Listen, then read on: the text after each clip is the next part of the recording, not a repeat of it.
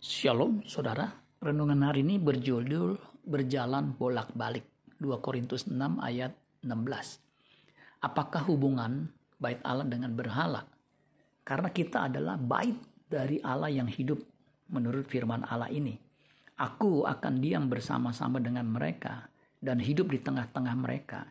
Dan aku akan menjadi Allah mereka dan mereka akan menjadi umatku. Kerinduan Allah adalah bersekutu dengan manusia. Hal ini jelas terlihat dalam kejadian 3 ayat 8. Ketika mereka mendengar bunyi langkah Tuhan Allah yang berjalan-jalan dalam taman itu pada waktu hari sejuk. Bersembunyilah manusia dan istrinya itu terhadap Tuhan Allah di antara pohon-pohonan dalam taman. Tuhan Allah berjalan-jalan dalam taman itu mencari manusia pertama yang ia ciptakan untuk bersekutu dengan mereka. Kata berjalan-jalan dari kata Ibrani halak, artinya to go, walk, come, traverse. Traverse itu artinya berjalan ke sana kemari mondar mandir.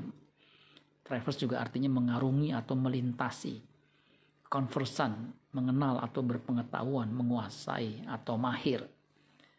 Tuhan Allah berjalan bolak-balik mau berbicara dengan manusia untuk bisa akrab atau intim dengan dia, Paulus mengatakan 2 Korintus 6 ayat 17 dan 18-nya dikatakan begini. Sebab itu keluarlah kamu dari antara mereka dan pisahkanlah dirimu dari mereka. Firman Tuhan.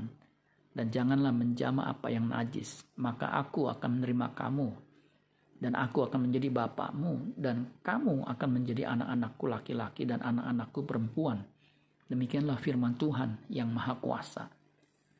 Apakah kita sudah menjaga hidup kita tidak cemar? Ingatlah ini. 1 Tesalonika 4 ayat 7 sampai 8. Allah memanggil kita bukan untuk melakukan apa yang cemar, melainkan apa yang kudus. Karena itu, siapa yang menolak ini bukanlah menolak manusia, melainkan menolak Allah yang telah memberikan juga rohnya yang kudus kepada kamu. Amin buat firman Tuhan. Tuhan Yesus memberkati. Sola Gracia.